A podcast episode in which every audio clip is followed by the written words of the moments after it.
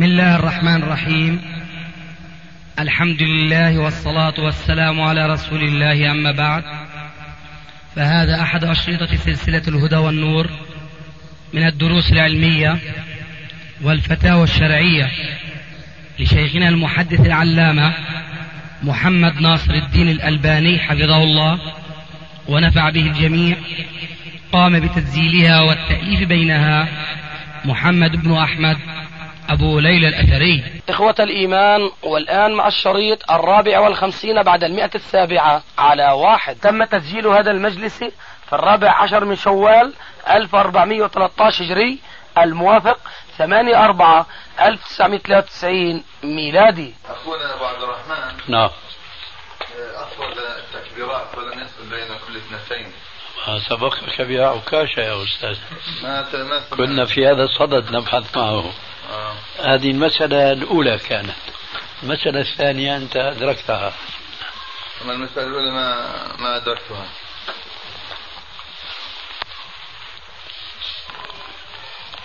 إيه هو الآن يبحث في حديث أبي محذورة. من طلبة علم أو غيرهم حينما بحث معهم هذا الموضوع احتجوا بحديث لا أصل له وهو التكفير جزم. إبراهيم النخعي.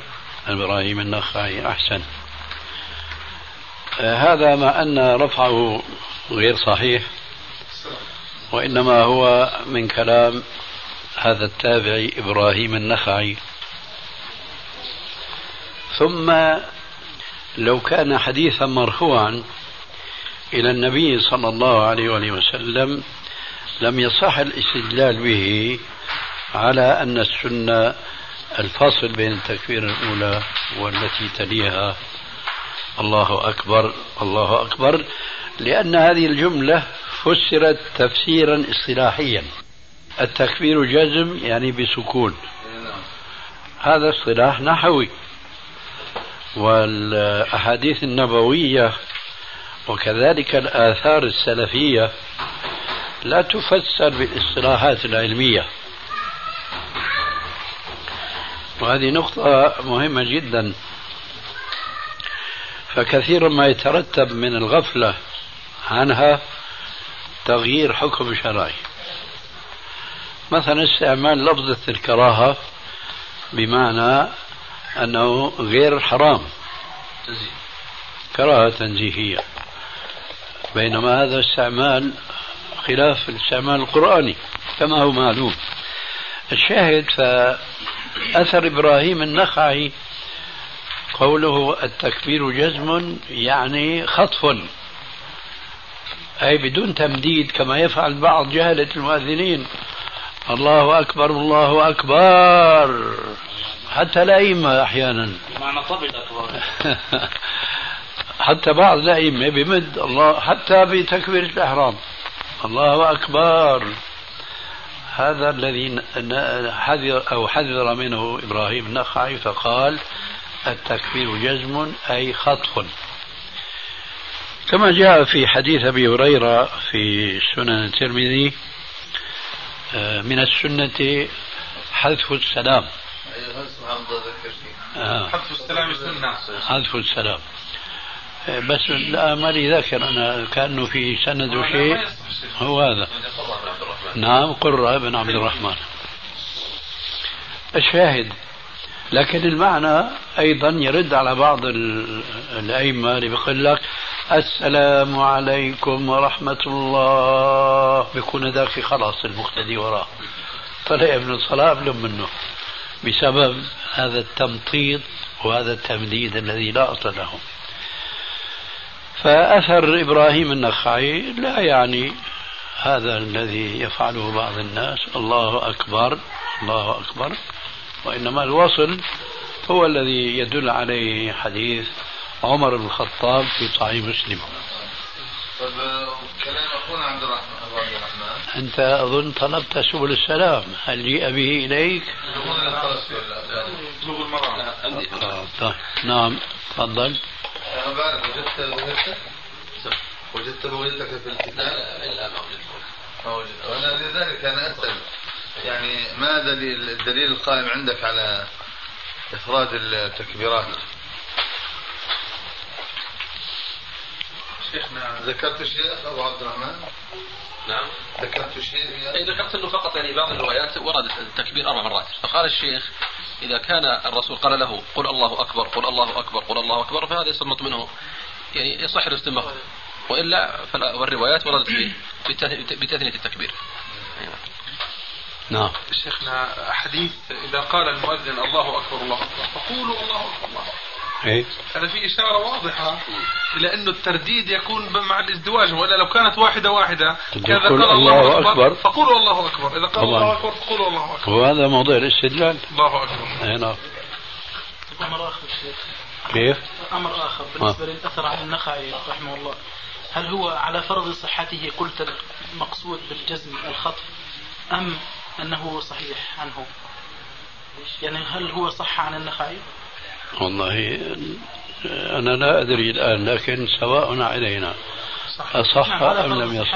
هذا هو المقصود. هذا المقصود. أنتم تذكرون صحته عنه؟ الله أعلم صحيح شيخنا السيوطي له رسالة مفردة يثبت وقفه دون الرفع. نعم. تفضل. يذكر بارك الله فيك ابن القيم رحمة الله قاعدة. وهذه القاعدة غالبا تكون في الصلاة. في غالبا؟ الصلاة. في الصلاة. أنه إذا ورد عن الرسول صلى الله عليه وسلم في صفة الصلاة أمر. وكانت غالب الأحاديث على خلاف هذا ولم تذكر هذا الأمر. أنه لا ينبغي أن يتخذ سنة دائمة. بل يفعل أحيانا لأنه لو كان سنة دائمة لذكره الآخرون ممن وصفوا صلاة رسول الله صلى الله عليه وسلم. أنا لاحظت هنا في المساجد كل ما كل من صليت خلفه يقول السلام عليكم ورحمة الله وبركاته. السلام عليكم ورحمة الله. فهل هي سنة دائمة؟ لا. آه بارك الله فيك. إنما هو التنويع. نعم. لحظة شوي. ترى في بلاد أخرى ما هو الملاحظ؟ الملاحظ عدمها طيب. عدم الزيادة. هل هي سنة دائمة؟ آه، طلبة العلم طلبة العلم ممن يعتنون بالحديث. إذا من طعم هذا بهذا. جميل. وهنا شيخنا أكرمه الله بالصلاة خلف الأئمة السلفيين. آه. بس. أي نعم. لا بس في شيء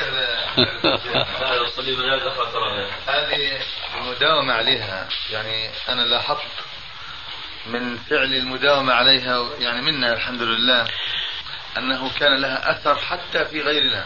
هذا لابد هذا امتدت والحمد لله حتى صار يقولها الكثير من الأئمة في في- في المساجد التي كان ينكر أئمتها علينا فعل هذه السنة. وأكثر من ذلك أي نعم. تأييدا لما تقول.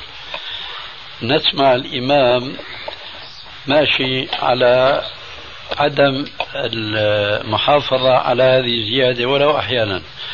بتلاقي المقتدي بخالف الإمام وبيزيدها إيه، وهذا أكبر دليل يعني الحمد لله بسبب انتشار السنة. لكن طبعا نحن ما نؤيد هذا. نحن لا نؤيد مخالفة الإمام. لكن هذا دليل أنه هذه الزيادة يعني بدأ الناس ينتبهون لها. لكن تمام الانتباه هو ما رمى إليه أخونا أبو عبد الرحمن. أنا بدي أستفيد الآن فائدة لغوية منكم معشر العرب. لو كان اسمه مثلا مثل اسمي بيقول قال سميه. لكن هو كنيته مثل كنيتي فماذا أقول؟ قال صاحب كنية قال قال من كانت كنيته ككنيته لا هي طويلة فقال كني. كنية مين قال عبد الرحمن. ما شاء الله. إيه بتوافقوا عليها هي لا شو رأي أبو ما وافقوا على هذا يا أبو عبد الرحمن. وافقني في الكنية. لا ما إحنا عارفين من وافقني في الكنية شيخنا والعلماء ألفوا من وافقت كنيته كنية يا ثانية. أستاذ هلا أبو أبو مالك قال هذا آه لأنه في لا. الاسم موجود هذا. رويدك بارك الله فيك. نعم. أنا أريد بدل, بدل أن أقول وافقني في اسمي ماذا أقول؟ سمي فماذا أقول وافقني في كنيتي؟ نعم نعم. مدونا مددكم يا جماعة. هذا والله. ها بده يقول كان ينبغي أن يكون مثلي على ما أذهب إليه. لا لا لا لا. بده كلمة هل يجوز أن نقول مثلا كني آه. كما نقول سمي أيوه. يعني هيك تقريبا. الظاهر إنه أبو عبد الرحمن اللي ما أدري أقول سميه. أنه هو صار مجتهد في اللغة عم يستنبط. فعلى وزان سميه كنيه أليس كذلك؟ لا لا شيخنا بس لأنه في تلك ال- في الجلسة واحد من الإخوة قال سمي وكان يحمل كنيته وافقت كنيته كنيته. فقال سمي قلت أنا كني. يعني شيخنا زي ما بتحكوا أحيانا ضربها علاوية أيوه. إيه، يعني مش إنه عم تقول عن تثبت وعن ليس عن تثبت. آه ويريد أن يجمع بينك وبينه أستاذ باسم واحد. إيه، نعم. الله يجمع بيننا على الكتاب والسنة ومنهج السلف الصالح. إيه، ما الذي صرفنا إلى هذه النكتة اللغوية؟ ما كنا فيه من قبل. شيخنا أنت أذكرنا يا شيخنا عفوا. نحن نغيب. نحن نغيب وأنت حاضر ما شاء الله. عفوا بارك الله فيكم لا الزيادة قد بلغت من الكبر عتيا؟ أحسن الله خاتمة. الله يحفظكم وبركاته. كنا في آخر شيء. أي نعم آخر شيء وبركاته. فايوه أردت أن أقول عن سمي ك- كني أنه هو يريد الآن تعديل الكفة. يعني لا أن نبقى على القديم الذي لا يعترف على زيادة وبركاته وما فيها من بركات ولا أيضا إقامة هذه الزيادة واتخاذها سنة مضطردة. هو يريد التنويع كما هي السنة تماما. هذه نقطة في الحقيقة مهمة. أنا أرى الآن في المساجد العامة شبه ينبغي التزام وبركاته حتى يقضى على عدم الجواز ويقضى على قول بعض الفقهاء القدامى أن هذه زيادة بدعة. فحينما تستقل هذه السنة حينئذ في المجتمعات العامة تارة وتارة تارة وتارة. هذا حق إنه لحق مثل ما أنكم تنطقون. شيخنا يعجبني بعض إخواننا إمام مسجد في الزرقاء وهو الأخ علي عبد الفتاح الشيشاني. إيه. حفظه الله الأربع أنواع من التسليم يطبقها في ما الصلاة. شاء الله ما شاء الله. يعني في القنوت في الوتر في رمضان صليت خلفه أكثر مرة كل مرة يعني يطبقها بشكل. والمأمومون خلفه العوام حتى قاموا عليه استجابوا. قاموا عليه شيخنا أكثر مرة ونقل إلى السلام عليكم. وعليكم السلام ورحمة الله وبركاته. مدام وجدتها. ذكرني هنا كان به عن كذا إلى أن يقول كأكناه وكناه وأبو فلان كنيته وكنوته ويكسران وهو كنيه أي كنيته كنيته. كويس إذا هذه هذا هذا قاموس المحيط إيه، هذا دليل أنه صار مجتهد في اللغة. جزاك الله خير. هذه فائدة. هذه فائدة آه،؟ طيب. لا لا تقولوا لا تقولوا بقى إنه التعرب يعني خلاص. الله أكبر لا لا يزال المرء يا سلام. إيش؟ عالما. ما لم يقل قد إيش؟ علمت. فإذا قال علمت فقد جهل نحن آه، علماء زعموا وطلاب علم. حقيقة. يجب أن لا ننسى أن من كان عالما فهو دون الرسول بما لا يعد من مراحل. وطلاب العلم كذلك بالنسبة لأصحاب الرسول دون ذلك بمراحل. فلماذا نحن لا ننهي أنفسنا عن الانشغال بالوسيلة ونجعل كل همنا للغاية؟ يعني أن يكون حبنا أولا خالصا لوجه الله كما هو المفروض وثانيا أن يكون مقيدا بالوسائل التي كانت مقيدة في عهد النبي صلى الله عليه وآله وسلم. فالآن هل من شك بأن أبا بكر وعمر وعثمان وعلي وبقية العشرة وأصحاب الشجرة ونحو ذلك كانوا يحبون النبي صلى الله عليه وسلم؟ آه، لا يقرن حبكم بشيخكم المزعون هل كانوا يقبلونه؟ هل كانوا يعانقونه؟ كلما رأوه الجواب لا. إذا فتشبهوا إن لم تكونوا مثلهم. إن التشبه بالكرام فلاح. فدعك دعك يا أبا أنس من قضية الشوق ما الشوق لأنه نخشى أن نكون ممن نشغل أنفسنا بالوسائل عن الغايات. والشوق قد يورث الشوك بارك الله فيك يا شيخ الله يجزيك خير شيخنا كلامكم ذكرني بقاعدة يستدل بها الكثير في غير موضعها وهذا الكلام في الحقيقة رد يعني مباشر عليها شيخنا نعم وهي قولهم للوسائل حكم المقاصد نعم هذه فتحها على مصراعيها غير مستقيم نعم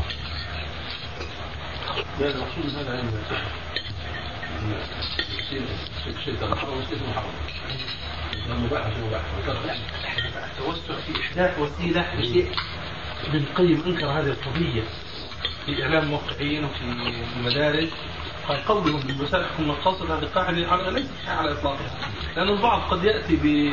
بوسيله محدثه ل... ل... لغايه أو لمقصد صحيح هذا غير مقبول والآن ما أكثر الوسائل محدثة الله أكبر. ب- بنفس الزعم. نعم. وما المكوس والضرائب في كل بلاد الدنيا لم تسوغ إلا بمثل ذلك. كنا نتكلم في هذا سبحان الله وانشر علي الاسرار كيف؟ كنا نتكلم أيوة. في القضية هذه. نعم. الحقيقة هذا بي- لازم يكون في لها سؤال حتى ترضون إن شاء الله. يعني شيخنا النيات أحيانا لا تشفع يعني قصة الرجل اللي كان يشرب الخمر قال لا تلعنوه فإنه يحب الله ورسوله بعد قصة اللي ما في ما في ارتباط بين قولك وبين سؤالك وبين القصة كيفك عبد الرحمن؟ شو رأيك تيجي تأكل معنا؟ قايم؟ ما شاء الله الله يتقبل منك بيجوز هذا الدعاء؟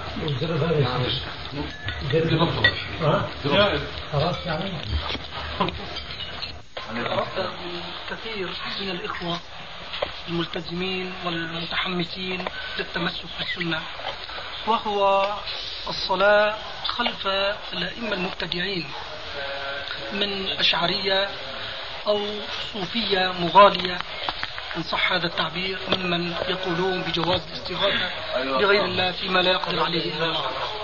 وأن ترك الصلاة خلفهم سوف يؤدي إلى آه، ترك الجماعة في أكثر الأحيان وغالب الأوقات إذ غالب الأئمة عندنا إلا قليلا منهم. أنهم أهل بدع. أهلا. فما قولكم طبعا نحن هذا أجبنا عنه أكثر من مرة.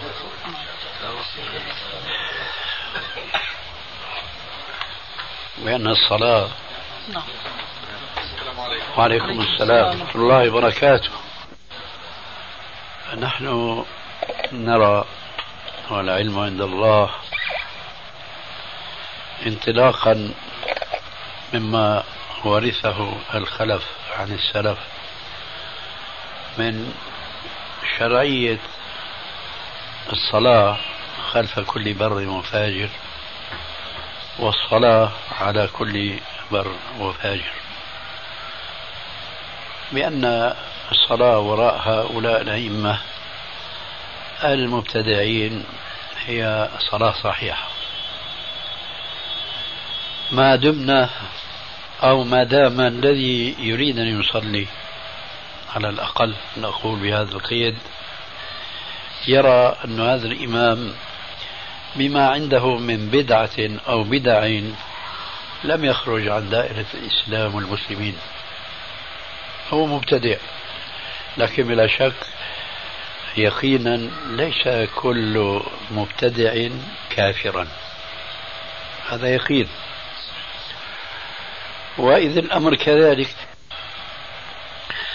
فالسؤال لابد من قيده وضبطه على الأقل من المجيب وهذا ما أفعله. فأقول إن كان المصلي وراء الإمام المبتدئ كان صوفيا أو ماتريديا أو أشعريا أو أو إلى آخر ما هنالك من أسماء وفرق وأحزاب. إن كان هذا المصلي يرى أن هذا الإمام المبتدئ ما خرج عن كونه مسلما. حينئذ ترد القاعدة السابقة. الصلاة وراء كل بر وفاجر. وإن كان يرى العكس من ذلك أنه كفر حينئذ الأمر بديهي جدا أن الصلاة خلفه لا تصح ولكننا في الوقت نفسه نحذر من التسرع إلى إلى إصدار الفتاوى المكفرة لمسلم فضلا عن مسلمين لمجرد أنه وقع في بدعة. ولو كانت هذه البدعة كما يقولون اليوم عقدية. تتعلق بالعقيدة. فلا بد من التريث وعدم التسرع في إصدار فتوى التكفير. لكن في الوقت نفسه نحن نقول على المسلم أن يختار الإمام الذي يصلي خلفه أن يكون على السنة عقيدة وعبادة وسلوكا هذا إن تيسر له. وإلا فإذا ما دار الأمر بين أن يصلي وحده وفي داره وبين أن يصلي خلف ذلك الإمام الذي يبدعه لا يصلي خلفه أولى من أن يصلي وحده. محافظة على مصلحة الجماعة. أي نعم. ثم مع ذلك نقول إذا كان حقيقة يسأل هذا السؤال من باب التقوى والورع فنقول باب الورع واسع إذا رجعت من المسجد فأعد الصلاة جماعة مع أهل بيتك. كما حصل لبعض السنة القديمة. أي نعم. خلف الأئمة الذين يؤخرون هو كذلك. الصلاة عن وقتها. هذا جوابنا في هذه المسألة. وتكون الذي التي يصليها خلف الإمام نافلة؟ نافلة. أي نعم. وفيك بارك. نعم. فكما أشرتم أن الذي نشأنا عليه أو اطلعنا عليه من كتب شيوخ الإسلام ابن تيمية وابن القيم وابن عبد الوهاب رحمه الله تعالى أنهم آه، آه، لا يكفرون من أو لا يسارعون إلى تكفير من آه، أتى ببدعة ولو كانت مكفرة إلا بعد أن يبلغه العلم وتقام عليه الحجة. فهذه النقطة كثيرا ما تغيب يعني عن أذهان الإخوة فيعتبر الواحد منهم أو يرى أنه إذا تكلم مع هذا المبتدع سواء كان إماما أو غير ذلك وبخاصة فهم يحاورون أو يجادلون الأئمة في هذا الأمر. حول هذه البدعة وبيان خطورتها ومخالفتها لدين الإسلام أصلا وفرعا ف فترى فترى المبتدع يجادل في هذا وفي كثير من الأحيان لا يبالي بهذا الدليل وبهذه المناقشة فيبقى على ما هو عليه من بدعة ضالة. فيرى الإخوة أنهم قد بلغوا وأقاموا عليه الحجة. فهل يعتبر هذا النقاش أو الحوار أو الدليل أو النصح الذي قدموه أنه كاف في إقامة الحجة عليه؟ فهذا الذي هذا أيضا ما أشرنا إليه في كلامنا السابق حينما قلنا لا ينبغي التسرع في إصدار فتوى التكفير. آه، لأننا نرى اليوم كثيرا من إخواننا الناشئين في الدعوة أنهم قد أصيبوا بشيء من غرور وشيء من دعوة المعرفة والعلم. آه، فلذلك أنا لا أعتقد أن كل طالب علم بل لا أعتقد أن كل عالم فضلا عن طالب علم يستطيع أن يقيم الحجة على خصمه مهما كان هذا الخصم عريقا في الضلال. لأن طالب العلم بل العالم ولنقل السلفي قد يكون آه، في عقيدته سليما لكن لا علم عنده بالحجج التي آه، تبطل دعوى المبتدئ المخالف. إلا في عنده هيك بعض أشياء اطمأن هو في الأصل لصحة العقيدة بها وبغيرها. ثم بقيت لديه قليل من كثير من تلك الأدلة. فهو حينما يقدمها لمن يخالفه من المبتدعة يظن أنه قد أقام الحجة وليس الأمر كذلك. هذا أولا بالنسبة لما يتعلق بهؤلاء من إخواننا طلاب العلم. ثانيا ما الذي يترتب من وراء هل أقام الحجة أم لا؟ هل تبينت الحجة للخصم أم لا؟ يترتب أحد شيئين. إما أن لا يصلي خلفه وإما أن لا يزاوجه ويناكحه طيب. في في قوله عليه السلام التي تعتبر أو الذي يعتبر من القواعد الأساسية في الشريعة دع ما يريبك إلى ما لا يريبك. لكن لا تسرع لا تتسرع وتقطع بأنه هذا كافر لأنه أنا أقمت الحجة عليه. لكن عامله عمليا كما لو كان فعلا كافرا. لا تصلي خلفه ولا تناكحه ولا تتزوج معه. نعم. ولا وهكذا. أما قضية تكفير مسلم فخطورته معروفة في الإسلام. لهذا نحن ننصح إخواننا الناشئين أن يتجاوبوا مع الثمرة النهائية فيما لو كان أقام الحجة فعلا وهو الابتعاد عن هؤلاء المبتدعة. وبخاصة أن السلف كانوا يحذرون من مجالسة المبتدعة خاصة الذين يعرفون بعلماء الكلام أي الذين عندهم شبهات آرائية عقلية. يقف آه، طلاب العلم أمامها حيارى ما يحيرون جوابا لأنه ما عندنا العلم الواسع والعقل القوي المتمكن في الشريعة حتى يستطيع أن يقيم الحجة عليه نقلا أولا ثم عقلا ثانيا لا إذا كما يقولون عندنا في الشام ابعد عن الشر والنيل جزاكم الله خيرا. فضيلة الشيخ هل يعتبر ما يحمله غالب صوفية اليوم من المغالين في القبور والمقبورين والصالحين نعم. آه، من مظاهر شركية وأحوال فاسدة مخالفة للشرع. هل يعتبر هذا من باب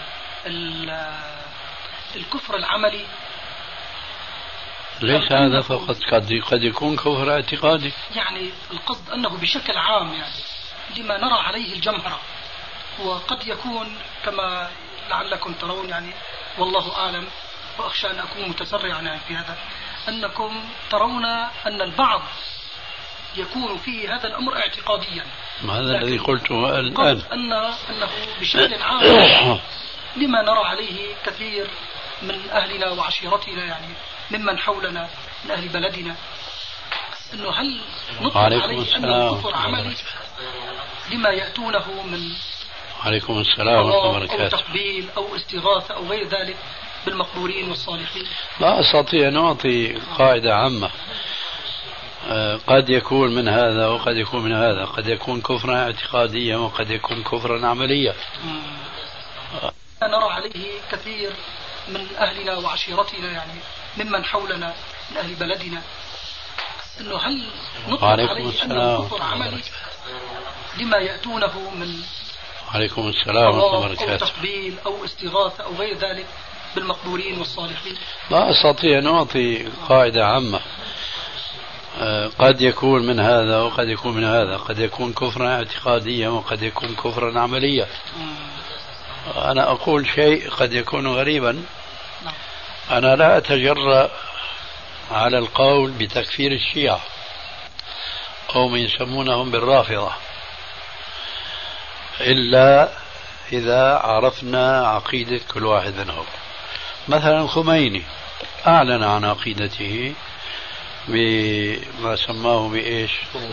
الحكومة الإسلامية. إيه هذا كفر بلا شك يعني. لكن أنا مش ضروري أتصور كل كل عالم شيعي هو يحمل نفس الفكرة هذه.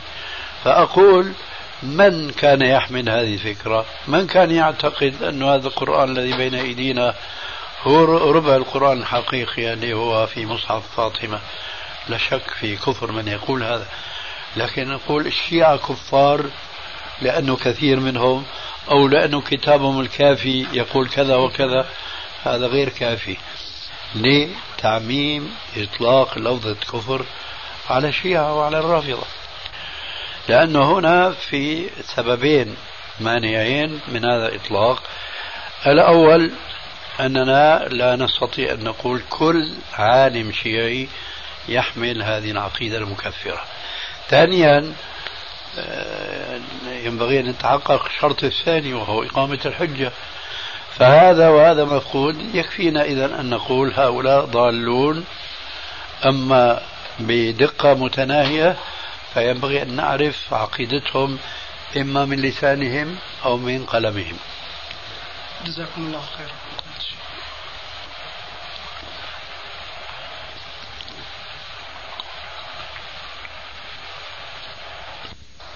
الحمد لله. إيه ماذا عندكم؟ الله يحفظكم ما جبتوا لنا شيء؟ آه. معكم. يعني هذه نيجي معك رمية من غير رام يعني من الشيء الحقيقة خير إن شاء الله. علينا. آه. مثلا بكون أنا مدعو من قبل طرف يعني أحد الإخوة. أفترض أنا يعني ما أنا مسؤول غير عن شخصي في هذه الدعوة وأخشى وحتى يعني أحيانا أحرج وخصوصا في الآن زاد حرجي على على حرج. حرج فوق حرج. أي نعم. الإخوة كانوا عندي في المحل حتى أعتذرت منهم لأنه عندي موعد. فقالوا ممكن يجي قلت له والله يا إخوان أنا مدعو. ما أستطيع أن أقول لكم تفضل لأن قد تكون الدعوة خاصة. إي نعم. فأما لو كان عندي رائحة إن هذه الدعوة ممكن يعني هذا ما في مانع. تمام. ممكن يعني الآخر أنا أستطيع ادعي اثنين ثلاثة أربعة ما أستطيع أرجع استاذن اذن لنا ولا نرجع أنا نتكلم نأتي إلى المنزل. استاذن لنا على. التليفون. شو جوابك عن هذا؟ آه، أنا توقفت شيخنا توقفت لما؟ آه، كان في ظني شيخنا أنه الإخوة الضيوف اللي جاءوا يعني قد تكون مجلس خاص ويصير في حاجة للداعي لصاحب الدعوة. فما أنا يعني حبيت إني أتصل فيه. هذا أنا برد عليك فضلا عنهم. نعم شيخنا جزاك الله خير يعني لأنه لأنه لما بتسأل أنت المضيف تنتهي المشكلة. يعني تيجي ظهر المضيف. طبعا. طبعا. مع التسامح في تعبيرك يعني بتجي على ظهره؟ لا. ما بتجي على ظهره. جزاك الله خير يا شيخ. وإياك إن شاء الله. يعني الله طيب نحن في عنا مشوار. وين مشوارنا عبد اللطيف؟ هذا ابني الثاني. الكبير كنيت به أبو عبد الرحمن. هذا عبد اللطيف وكنيته أبو عبادة. وين مشوارنا؟ إخوة الإيمان والآن مع مجلس آخر جزاكم الله خير. شيخ آه، يقول الرسول صلى الله عليه وسلم آه، إن الله خلق آدم على صورته. فالتأويل الصحيح شيخ لهذا الحديث. صورة آدم؟ لأنه جاء في صحيح البخاري خلق الله آدم على صورته طوله ستون ذراعا. هذا تفسير من الرسول نفسه. بس الحافظ شيخ آه، كأنه صححه في الحديث آه، ما أدري هل يصح ولا لا. إن الله خلق آدم على صورة الرحمن. غير ثابت هذا لا يصح ولن يصح. الحمد لله. شيخنا في بحث في بحث هذا ما شاء الله مطول. نعم. تعطيك الشريط إن شاء الله. ما حكم أخذ أجرة على الإمامة والتأذين كمكافأة من الدولة ممثل بوزارة الأوقاف مع العلم أن هذا الإمام أو المؤذن متطوع في عمله هذا وله عمل رسمي آخر غيره. عندنا هناك في نظام الموظف يستطيع أن يكون إماما أو مؤذنا فالدولة تعطيه مكافأة على إمامته وعنده وظيفة ثانية يأخذ منها الراتب الرسمي. فحكم الوظيفة الثانية من الدولة. من الدولة كذلك نعم. لكن نحن نعرف أنه الدول عامة لا تسمح بالجمع بين وظيفتين. فكيف هذا؟ عندنا نظام. هات. فقط في الإمامة والتأديب آه إكرام يعني للإمام مكافأة يعطونه مقطوع راتب مقطوع لكن أنت ورد في سؤالك آه، كما أتصور تناقض. من جهة تقول أجرا هل يجوز ومن جهة بتقول مكافأة. نعم. والأجر غير مكافأة. هو راتب راتب شهري لكنه راتب مقطوع يسمى. هل فهمت علي؟ أنا قصدي نعم، نعم. فقط نعم. تنبيه يعني نعم. بالتذكير. طيب. آه، سواء كان الإمام موظفا في وظيفة أخرى أو كان متخصصا للإمامة أو التأذين أو الخطابة. فلا يجوز لهؤلاء الموظفين وظيفة شرعية أن يأخذوا ما يقدم لهم كما قلت أخيرا راتبا أو مكافأة. لا يجوز لهم أن يأخذوا ذلك أجرا. لأن الأعمال الشرعية من حيث أنه لا يجوز أن يقصد بها شيء من حطام الدنيا ليست كالأعمال الدنيوية أو الصنائع المهنية التي يبتغي من وراء الإنسان أجرا. فالأجر يؤخذ الأجر المادي يؤخذ على عمل مادي محض. أما أن يؤخذ الأجر على طاعة أو عبادة يقوم بها المسلم يأخذها أجرا هذا حرام عليه لأنه ينافي كثيرا من النصوص الواردة في الكتاب والسنة ومن أشهرها وما أمروا إلا ليعبدوا الله مخلصين له الدين. فلا شك أن إمامة المسلمين في المساجد والأذان في المساجد والخطابة فيهم وتعليمهم وإرشادهم أن هذا فيه أجر كبير عند الله عز وجل بشرط الإخلاص في ذلك كله لله تبارك وتعالى. فإذا ابتغى أحد هؤلاء الأجناس بعبادتهم لا فرق بينهم وبين من يصلي لله ليأخذ أجرا على صلاته. لأنه ما قصد بصلاته وجه الله فيضرب بها وجهه يوم الله. كذلك يقال عن كل العبادات منها ما ذكر من الإمامة والخطابة والتأذين وكذلك التعليم للعلوم الشرعية. ولهذا ينبغي على كل من كان مكلفا بشيء من هذه الوظائف الدينية أو كان متطوعا كما قلت في سؤالك فإذا جاءه شيء فلا يأخذه على أنه حق له أجر له كما لو صنع أي شيء من أمور الدنيا. وهنا يردنا قوله عليه السلام لعمر بن الخطاب كما جاء في الصحيح أن النبي صلى الله عليه وآله وسلم كان إذا جاءه مال خص عمر بن الخطاب بشيء منه فيقول يا رسول الله أعطه من هو أحق به مني. فيقول له عليه السلام يا عمر ما آتاك الله من مال فخذه ما آتاك الله من مال ونفسك غير مشرفة إليه فخذه وتموله فإنما هو رزق ساقه الله إليك. ونفسك غير مشرفة إليه فخذه وتموله فإنما هو رزق ساقه الله إليك إذا كل من كان قائما بأمر ديني يبتغي من وراء ذلك المثوبة عند الله عز وجل فجاءه شيء من مال فلا بأس أن يأخذه لكن لا أجرا وإنما هو كما قال عليه السلام لعمر إنما هو رزق ساق الله إليك ووجهه في رواية أخرى إلى طريقة قد يغفل عنها بعض ذوي النفوس الزكية الشريفة التي لا تطمع في مال الآخرين. فيتعفف ولا يأخذ ما جاءه من مال. فيقول الرسول عليه السلام معلما له ليكون سببا لكسب الثواب عند الله بطريقة قبضه لهذا المال الذي جاءه دون إشراف نفس منه إليه. يقول له خذه وتموله وتصدق به. فأنت إن كنت محتاجا أنفقته على نفسك وإن كنت غنيا صرفته إلى ناس فقراء ومساكين فيكتب لك الأجر.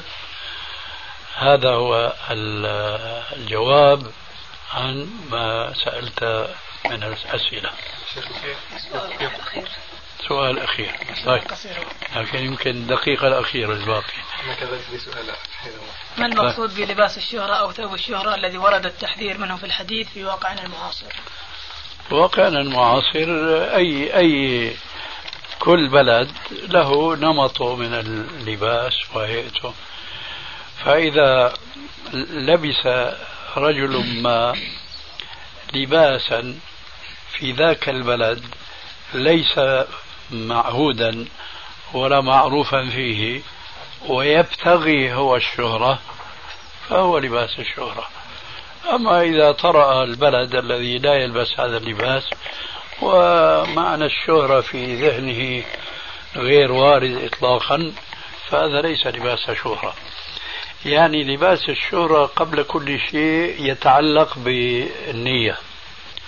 ثم يلاحظ في ذلك عادة البلد. آه لكن هنا شيء لابد من التنبيه والتحذير منه. قد يبرر بعض الناس ممن لا علم عندهم أن يقعوا في مخالفة للشرع آه، مخالفة صريحة فرارا من مخالفة أو من الوقوع في مخالفة متوهمة. فمثلا كثير من المسلمين يسافرون إلى بلاد الغرب. فبلاد الغرب هذا اللباس الذي أنتم الآن تلبسونه غير معروف في هذه البلاد. فيوحي إليه الشيطان أنه ينبغي أن تتزيى بزي أهل تلك البلاد لأنه سيشار إليك بالبنان. نحن نقول هذا من وحي الشيطان لأن على المسلم أن يحافظ على زيه وعلى لباس أمته بحيث لو رفع بالهليكوبتر ووضع بين الكفار قيل له هذا مسلم لأنه يلبس لباس المسلمين. فلا يجوز للمسلم فرارا مما يتوهم أنه إذا استمر على لباسه الإسلامي أنه لباس شهرة فينماع بأن يلبس لباس الكفار حينما يبتلى بالسفر إلى تلك البلاد. ماذا عندك؟ يقول شيخ الإسلام ابن تيمية رحمه الله في اقتضاء الصراط المستقيم يقول ولهذا ينهى عن السجود لله بين يدي الرجل وإن لم يقصد الساجد ذلك لما فيه من مشابهة السجود لغير الله. فهل هناك دليل على هذا النهي؟ النهي عن الصلاة بين يدي الرجل. أنا الذي فهمت. سؤالك له علاقة بما نقلت عن ابن تيمية. نعم قال ولهذا ينهى طبعا في كلام طويل قال ولهذا ينهى عن أعد الكلام. ولهذا ينهى عن السجود لا لا أول كلامه هكذا نقلت نقلت فقط الجملة التي آه طيب اقرأ. ولهذا ينهى عن السجود لله بين يدي الرجل. صحيح وإن لم يقصد وإن لم يقصد الساجد ذلك لما فيه من مشابهة السجود لغير الله. نعم. هل هناك دليل يعني على هذا النهي؟ أولا خليني أنا أقول شو اللي بدالي من كلام ابن تيمية بعدين أنت تسأل ما عندك. لأنك أنت حولت السجود إلى الصلاة. وهو لا يعني الصلاة هو يعني السجود صح؟ يعني الذي تبادر إلى ذهنه ما أنا عارف. ولذلك أحببت أن ألفت نظرك إلى هذا. هو يعني السجود أن يسجد الإنسان بين يدي الشخص فلا ينظر هنا إلى نيته لأنها ظاهرة وثنية. وهذا بلا شك هو يشير إلى حديث معاذ بن جبل رضي الله تعالى عنه الذي آه، صح أنه سافر إلى الشام ثم لما رجع ولقي النبي صلى الله عليه وآله وسلم أول ما وقع بصره على النبي صلى الله عليه وسلم هوى ليسجد له. فنهاه عليه الصلاة والسلام وقال لو كنت آمرا أحدا أن يسجد لأحد لأمرت الزوجة أن تسجد لزوجها لعظم حقي عليها. هو اعتذر بأنه لما ذهب إلى الشام وجد النصارى يسجدون لقسيسيهم وعظمائهم. قال فأنت يا رسول الله أحق بالسجود منهم. فنهوا عن ذلك وقال هذا الحديث. فالشاهد في الأمور الظاهرة الآن بقى ندخل للإجابة عن سؤالك. في الأمور الظاهرة لا ينظر فيها للنوايا إلا ما كان النص يدل على ذلك. كثيرا ما يشتبه على بعض المسلمين حينما يقال لا تفعل هذا لأنه في تشبه بالكفار يقول هو أنا لا أعني التشبه. هو لا يعني بقلبه لكن بفعله يعنيه. أي أن هذه الظاهرة هي التشبه أما هو يعني بقلبه أو لا يعني فهذا أمر بينه وبين ربه تبارك وتعالى. معنى هذا الكلام أننا نتصور شخصين كل منهما متشبه بالكفار. أحدهما قصد التشبه والآخر لم يقصد التشبه. الأول آثم عند الله من الآخر لكن الآخر لا يجو من الإثم لأنه متشبه فعلا. في صحيح مسلم أن رجلا جاء إلى النبي صلى الله عليه وسلم وسلم عليه فقال هذه من ثياب الكفار فلا تلبسها. وفي بعض الروايات أنه أخذها وأوقد التنور بها. فنهاه الرسول عن إضاعة المال وكان ينبغي أن يصرفه إلى أهله. الشاهد يجب أن نلاحظ أن المخالفات الشرعية تارة تكون عملية وتارة تكون عملية قلبية. والأولى أهون من الأخرى والأخرى آثم من الأولى. والأمثلة على هذا كثيرة وكثيرة جدا. جئتكم آنفا بحديث مسلم هذه من ثياب الكفار فلا تلبسها. لما خطب الرسول عليه السلام يوما وقام رجل من أصحابه يقول له ما شاء الله وشئت. هذا ما قصد المعنى الذي نطق به. فهو شابه الكفار في لفظه. ما شاء الله وشئت. وما نظر الرسول إلى قصده قلبه. هو يعرف أن قلبه صافي ونقي لأنه ما أمن بالله ورسوله إلا فرارا من الشرك. لكن مع ذلك قال له أجعلتني لله ندا قل ما شاء الله وحده. فتهذيب الألفاظ كتهذيب الظواهر تماما. فلا بد منها سواء كانت النوايا صالحة أو كانت طالحة. ألا وإن في الجسد مضغة.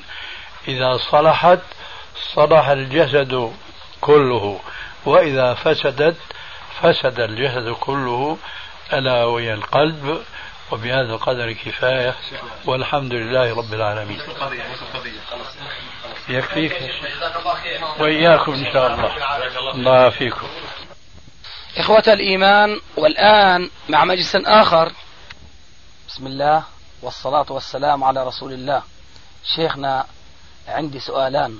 هل يجوز إعطاء الزكاة لمن يملك حد النصاب ولا يملك غيره ووجبت عليه الزكاة؟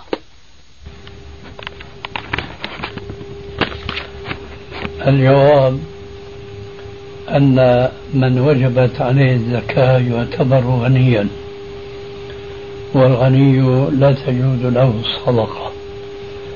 فإذا هذا الغني أخرج زكاة نصابه وعاد النصاب أقل من النصاب حين ذاك خرج عن كونه غنيا ودخل في حد الفقير.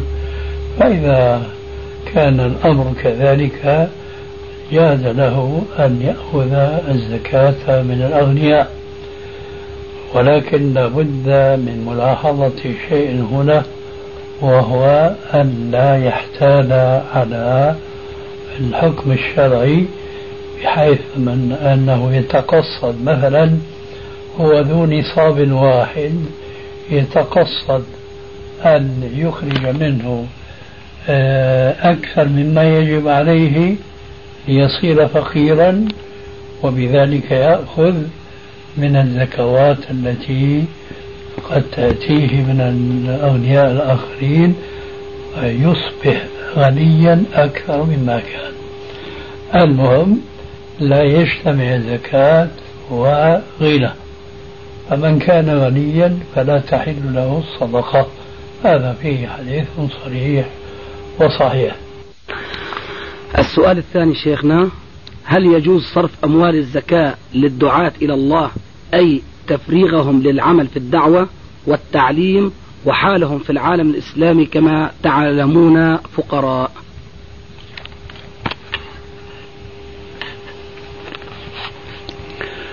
إذا كان السؤال دقيقا وهو ما جاء في نهاية السؤال أن حالهم فقراء. إذا ما في داعي لمثل هذا التفصيل كله. هو كان حق السؤال أن يكون مطلقا.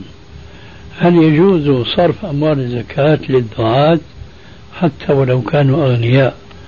أما إذا كانوا فقراء فهنا قد توفر فيه سببان. أحدهما مقطوع على كونه سببا شرعيا لجواز إعطاء الزكاة ألا وهو الفقر والسبب الثاني تفريغ للدعوة إلى الله. هذا السبب ليس سببا شرعيا في اعتقادي أنا. ولذلك ما دام أن السؤال كان آه، صرف الزكاة للدعاة الفقراء هذا أمر لا إشكال فيه. لكني أظن أن السائل لم لم يحسن السؤال. السائل يعني صرف الأموال إلى الدعاة مطلقا سواء كانوا فقراء أو كانوا أغنياء. والجواب حين ذاك هذا الجواب يتفرع على تفسير قوله تعالى في آية مصاريف الزكاة وفي سبيل الله. الآية إنما الصدقات للفقراء والمساكين وفي آخرها وفي سبيل الله. وفي تفسير سبيل الله في هذه الآية خاصة آه، قولان للعلماء. القول الأشهر أنهم المجاهدون في سبيل الله. وهناك قول آخر وهو الإحجاج في سبيل الله. الإحجاج في سبيل الله. لحديث لو أنك أحججتها لكان ذلك في سبيل الله وهذا مذهب الإمام أحمد.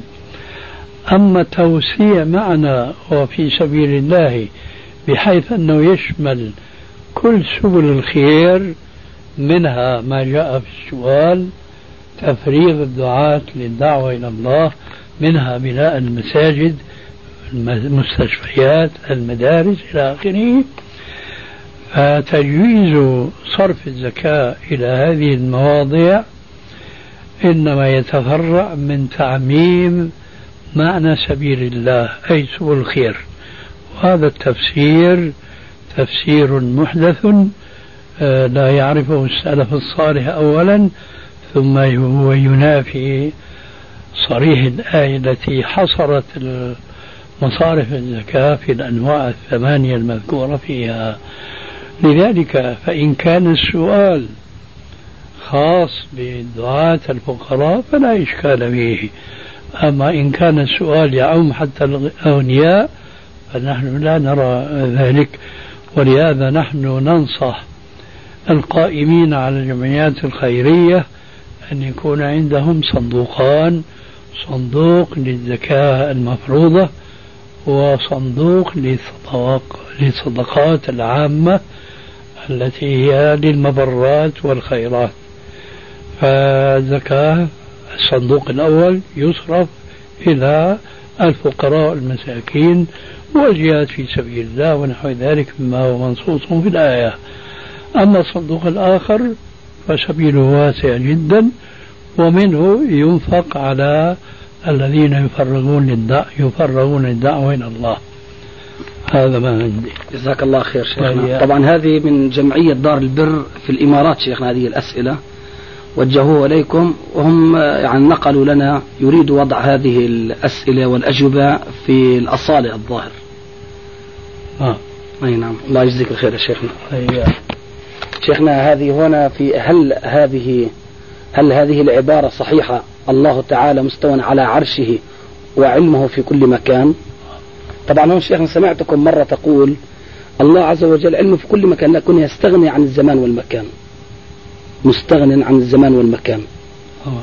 أي نعم. كان ولا زمان ولا مكان. سبحان الله عاد أنا قلت لهم هذا قول الشيخ يعني جائز هذا القول لكن هون يستغني عن المكان والزمان. الله يحفظك يا شيخ. أتعبناكم معنا سامحونا يا شيخ. آه